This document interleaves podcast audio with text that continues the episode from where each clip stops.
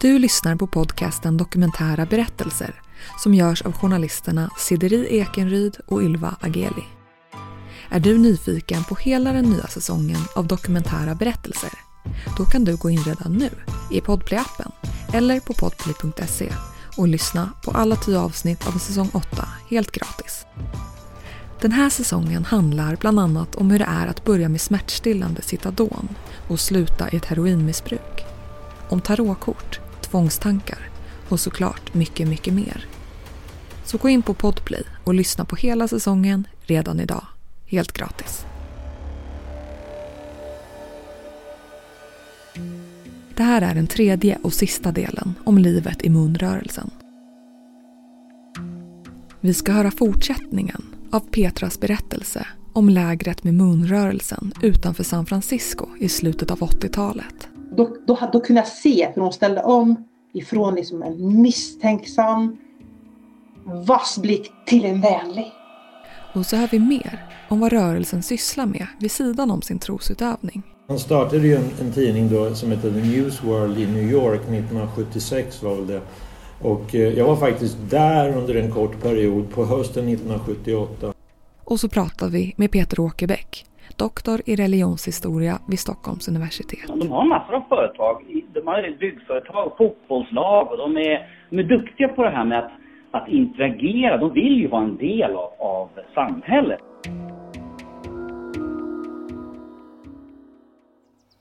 Utanför San Francisco, uppe i bergen, befinner sig Petra ihop med 20 andra ungdomar. Det var så att de hade ett ställe uppe i bergen där, på den här gården, Makama Hill hette den för övrigt. Så hade de som en liten kiosk nere i huvudbyggnaden där, där vi hade samlingar och så. Jag vill minnas att han hette Harald, att han var norsk. Och det var hjärtskärande att se, för det var som men det var som livlöst. Och han, varje gång man kom ner, han var så otroligt trevlig och artig. Och hade ett leende som kunde spräcka örsnibbarna liksom. Men det fanns inget i ögonen. Alltså det var trött, dött, själslöst. Alltså det var verkligen så här. Ja, uppgivet. Och det är klart, tittar man på Harald och vet om hur de jobbar så blir jag så här, ja, är du gift? Var är din fru? Har du haft barn? Var sitter dina syskon? Var sitter din familj och gråter efter dig? Vart gråter du? Alltså. Men det är tomt, själlöst. Men så fanns det även en tysk tjej som var där. Det var det snarare, för hon hette Kristina. Nästan, eh, ja, men det, var, det, det, var, det fanns ett sting, ett ovänligt, alltså hon, och det var också så här, det testade jag. Jag prövade, för att jag kunde sitta bredvid henne och känna att nu tittar hon på mig. Då vred jag snabbt på huvudet och kollade på henne. Då, då, då kunde jag se hur hon ställde om ifrån liksom en misstänksam, vass blick till en vänlig. Så den grejen testade jag flera gånger på flera av medlemmarna där. Bara för att se vad händer om jag bara så snabbt kollar. Så att de inte, och då, då var det liksom, det var som att squeak! Snäppte och så vart det någonting annat. Så hon var faktiskt obehaglig. Det har blivit söndag och föreläsningarna om Moon och hans teologi blir allt tätare. Och man märker ju att de inte, they won't take no for an answer liksom. Eh, och den här killen då som hade värvat mig, jag hade ju min kompis, en snygg amerikan förstås. Det är så killar eh, vakar över tjejerna, tjejerna vakar över killarna. Eh, och han, Ted då som han hette, han och jag började ha vilda diskussioner även utanför lektionstid. När han försöker pressa mig att eh, stanna kvar. Eller inte pröva, men så här. Åh Petra, det är så fantastiskt. Och stanna, snälla, det är bara en vecka av ditt liv. Och tänk vad du missar om du inte går. Bla, bla, bla. Och jag bara, jag måste hem och jobba. Jag har ett jobb. Jag måste åka hem. Så här. Jaha, ja, men okej. Och sen kom vi till till söndag och han försöker fortfarande få mig att vara kvar. Jag säger att jag måste hem. Jag måste hem. Och ja, ja. Och sen är ju bilen trasig. Och det går inte att ringa förstår du, för den är ju också trasig, telefon. Och då känner jag så här, alltså jag blir så trängd till slut så jag inser att för att komma hem måste jag berätta vem jag är. Jag måste, alltså för de kommer, de, de kommer inte att släppa mig. De gör inte det. Jag kan inte gå hem. Jag vet inte ens var jag är någonstans. Så då tog jag faktiskt Ted åt sidan och sa så här, du Ted, så jag, eh, jag måste berätta en sak för dig. Alltså jag är ju här Inte för att jag kanske vill eller är nyfiken. Jag vet redan allt vad ni tror och jag tycker det är helt stört. Jag tror inte att Sun Yang Moon är Messias. Det finns ett uttryck, the moon is not the sun. Alltså jag tror inte att Moon är Guds son. Position taken liksom. Eh, så att ni får skjutsa hem mig nu. Och jag vet att ni brukar säga att bilen är trasig. Så skjutsa hem mig. Och det samtalet. Ah, ja, det var jobbigt. Eh, Ted vart jätte, alltså behärskat arg. Och där kände jag det riktigt obehagligt för första gången. Jag kände så shit vad är det som händer nu? Vad, eh, nu vill jag verkligen hem. Lägerledarna vill nu bli av med Petra så fort som möjligt. Hon måste packa ihop sina väskor snabbt och lämna. På vägen ut mot bilen passerar de matsalen där nya ungdomar just har anlänt. Och jag, och jag kan inte säga något. Däremot så har jag upp kameran och tar ett sista kort. Jag har ett sista kort på den sittande liksom, middagen där innan jag styrs ut i bilen och körs hem. Eh, och det jag hade gjort innan också, det var en tjeckisk kille bland annat. Man fick ju spela så här, blåst och dum. Så att jag vet, jag skrev en lapp till honom så här, ja men eh, du kan väl ringa mig vid tillfälle. Oop, telefonnummer. För han skulle stanna kvar. Så han, eh, det gick någon månad. Sen ringde han. Och jag bara kom hit, kom hit! Så då bjöd jag hem till mig. Och så sa jag, du, så jag vet du vad du varit med om? Han bara, nej, nej men det här var väl en trevlig upplevelser. Så jag ska man fortsätta. Jag bara, du, nu vill jag berätta. Så berättade jag för han, jag berättade om Samya Moon. med vad han har pysslat med. Och att se liksom hans ansikte skifta färg. Så säger han så här, du sa America is a dangerous country. Så han skulle åka hem till Tjeckoslovakien, skulle aldrig mer åka utomlands. jag bara, det låter som en bra plan. Åka hem! Moonrörelsen, eller enighetskyrkan, har av kritiker blivit kallad för en sekt. Framförallt på 80-talet kritiserades rörelsen för att vilseleda sina nya medlemmar samtidigt som de lurade dem på deras besparingar. Sun Myung Moon var samtidigt en affärsman och industrimagnat med allt ifrån tidningar, sushi-restauranger och biltillverkning. Peter Åkerbäck berättar. De är, rörelsen har alltid varit duktig på att koppla ihop sig med politiker och med, med, med, med andra. Och det är sant att de har, haft, de har massor av företag. De har byggföretag, fotbollslag och de är, de är duktiga på det här med att, att interagera. De vill ju vara en del av, av samhället. De är inte alls en rörelse som drar sig undan. Eh, och företagsamhet, det, det, har man ju, man har ju så att säga investerat massor av pengar i, i just sånt. Och eh, det är fantastiskt när man, när man, när man, när jag var i Korea senast på deras stora så att säga, World Summit som de hade 2020, precis där innan pandemin bröt ut. Eller hade precis börjat. Eh, då, då sitter ju Hacka Han tillsammans med Ban Ki-Moon, eh, för detta presidenter ifrån Italien, eh, Carl Bildt var där. Så att de är duktiga på att koppla ihop eh, väldigt många. Och det här ligger i linje med deras tankesätt att ska det bli världsfred, ska vi få jorden att bli en, en sån bra plats, måste alla, alla religiösa ledare, alla religioner måste vara överens och alla politiska ledare måste vara överens. Så de har alltid varit duktiga på att, att, att få ihop människor och människor kommer till deras möten. Det är jättespännande. Och Hans och Lorenz, som själva var i USA när Moon levde, vad kan de berätta?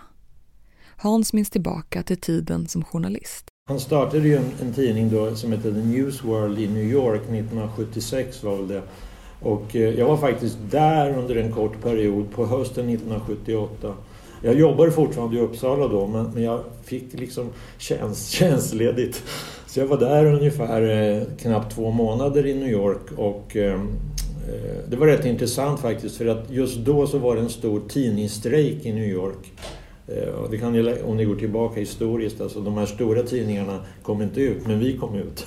men, men han, han, han startade ju den här The News World och jag var där då under, under en kort period och, eh, och, och jag skrev även lite från Sverige då på engelska, alltså till den här tidningen, jag gjorde en del reportage här. Och, men, men det var en ganska kort period egentligen. Alltså det, det var, eh, men, och sen, men det som var mer känt var väl att han startade sen Washington Times. Så den blev ju mer Alltså den finns ju än idag som en webbtidning tror jag. Jag tror inte den kommer ut längre som papperstidning.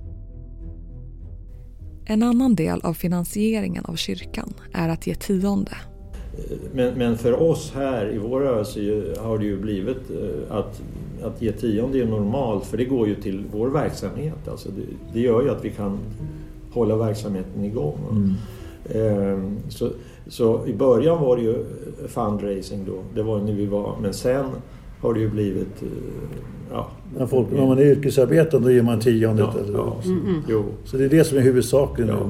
Det är ju idealiteten på något sätt ja. va? i det hela. Va? Det är ju en ideell rörelse lika väl som som jag som ju då har haft idrotten som en stor grej, alltså det är också ideellt. Mm. Det är ju mm. väldigt mycket, bygger ju på idealitet. Utan det så, så liksom går det ju inte att driva klubbar och sånt. Va? Med Hedvigs hemförsäkring är du skyddad från golv till tak oavsett om det gäller större skador eller mindre olyckor. Digital försäkring med personlig service, smidig hjälp och alltid utan bindningstid.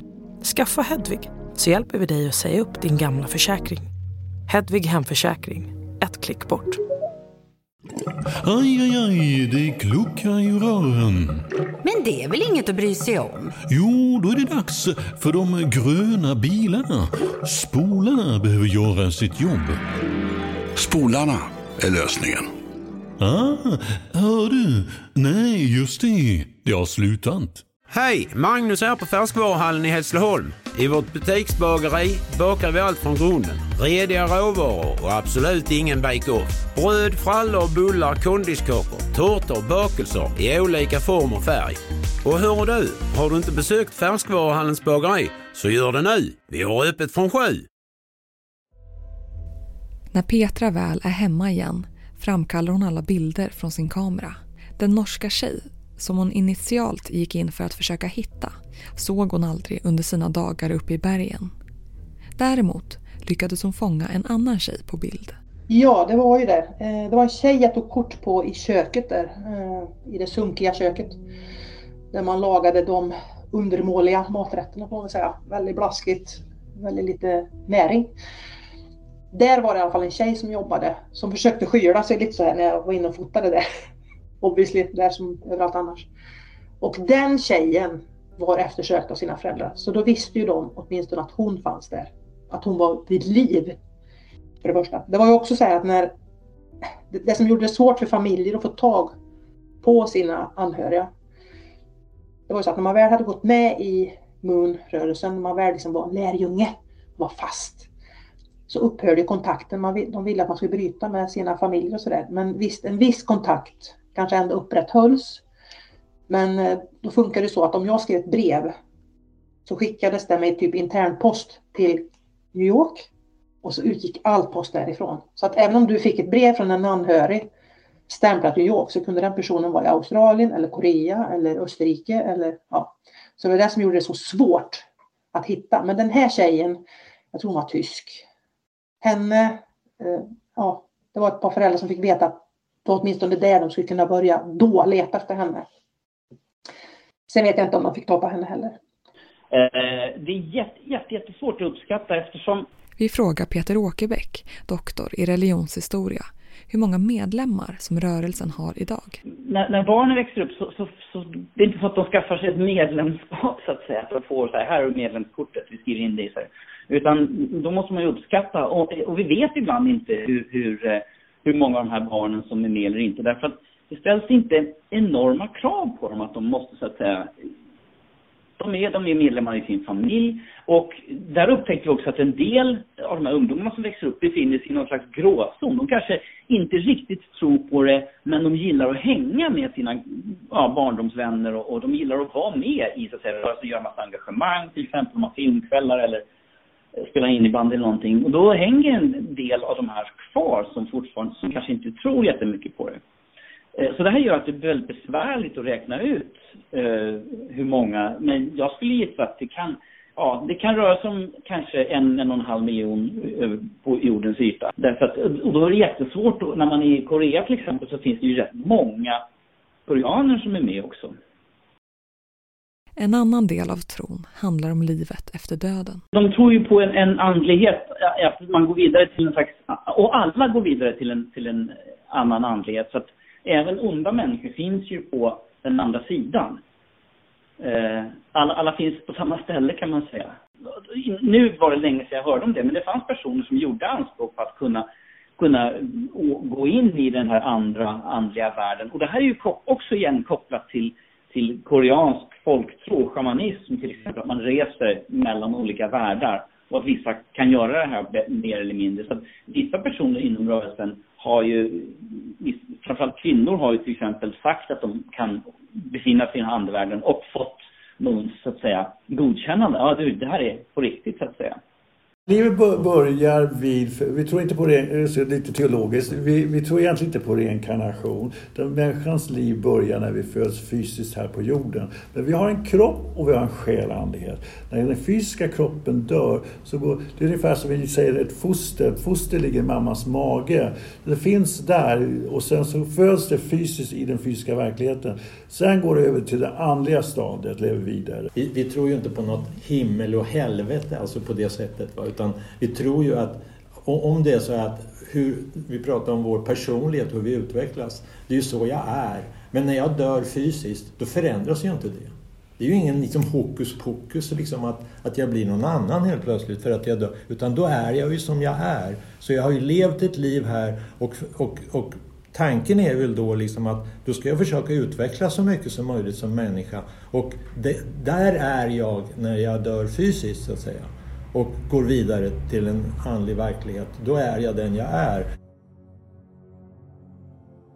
Jag satt här i, i helgen nu och skjutsade hem min dotter till eh, Stockholm. Hon pluggar ju där och då blev det så väldigt tydligt för mig vem man är på något vis. Jag menar, hon sitter nu på KTH och pluggar teknisk fysik i sin lilla 18 kvadrats liksom, lägenhet. Och, med, och, när jag var lika gammal som henne, då låg jag i en våningssäng i Makama Hill. Som undercover i en, liksom, en sekt. Det är jätte, det, den är verkligen så här. Det känns mycket bra att skjutsa henne till Stockholm om vi säger så. Alltså jag kan inte, alltså mina, min mors alla kval När vi tar del av Petras respektive Hans och Lorens berättelser är det tydligt att Petra är väldigt kritisk mot rörelsen. Hon använder till exempel ordet sekt medan Hans och Lorenz pratar om sin kyrka.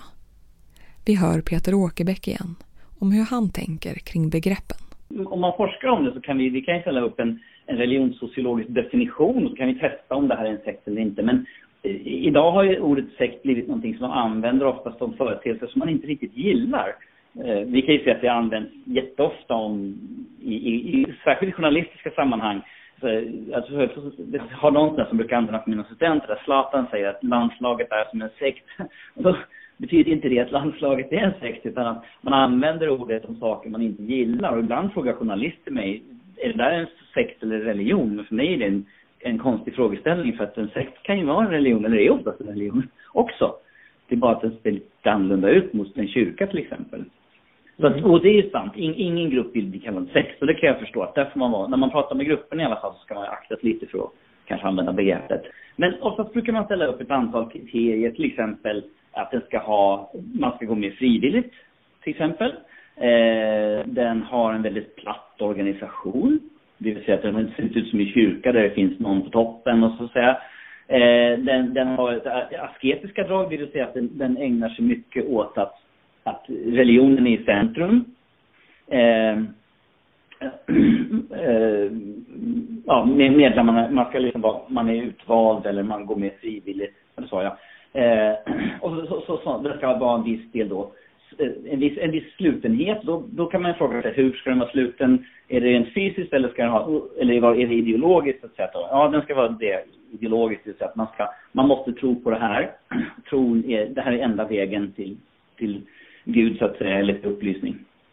Eh, och sen så, kan man då ställa upp en, en annan, jämfört då så brukar vi ställa upp sen, men sen, sen utvecklas ofta de här sekterna så blir de någonting vi kallar för samfund.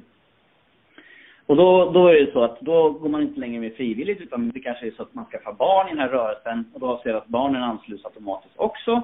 Ja, och det här asketiska draget, det vill säga att religion är det absolut viktigaste, det mattas av efter ett tag i en sån här grupp och så blir det ändå så att gruppens medlemmar, de arbetar på som vanligt men de ägnar sig åt det här religiösa också.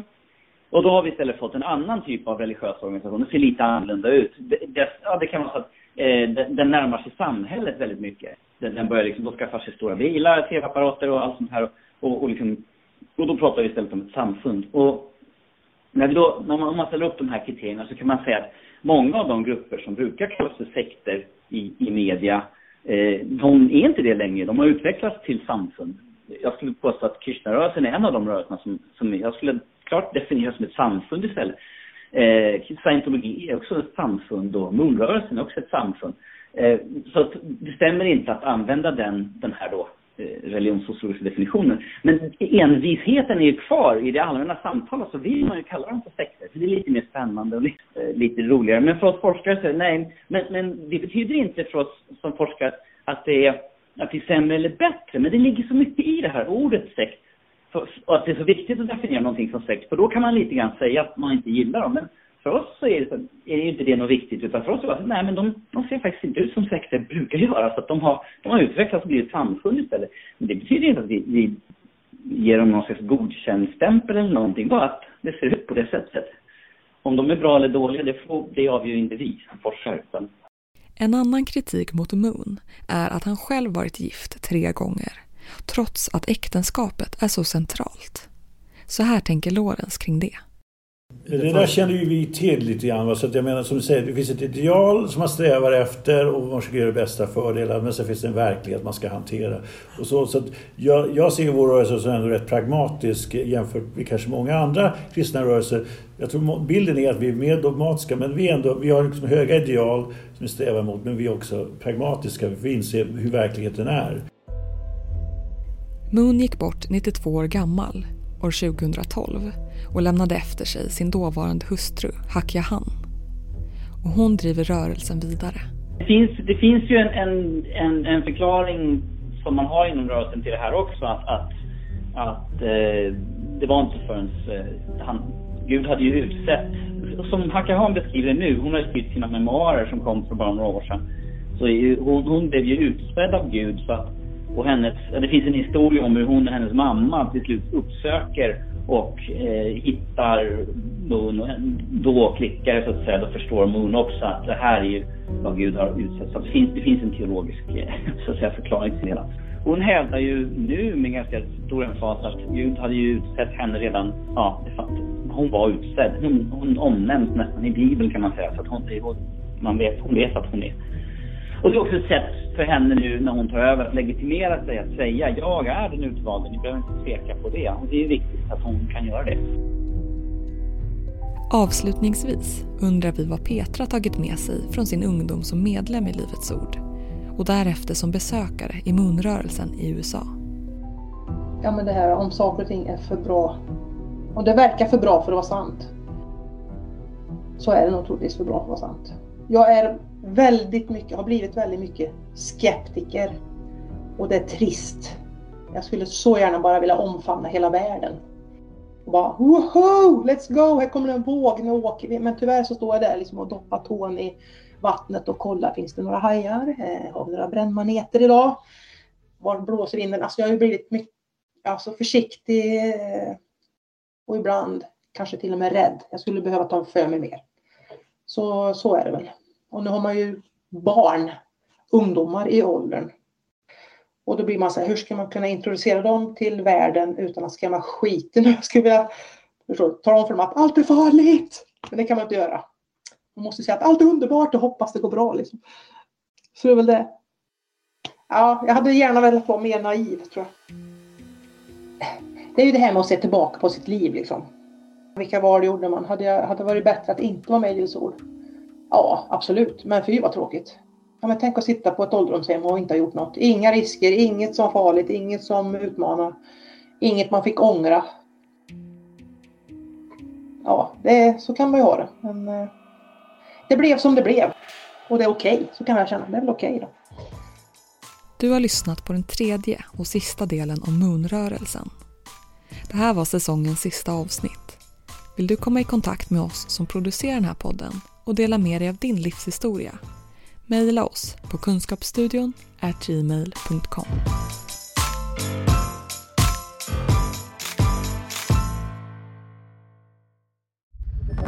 Podplay, en del av Power Media. Nej. Dåliga vibrationer är att gå utan byxor till jobbet. Bra vibrationer är när du inser att mobilen är i bröstfickan. Få bra vibrationer med Vimla. Mobiloperatören med Sveriges nöjdaste kunder enligt SKI.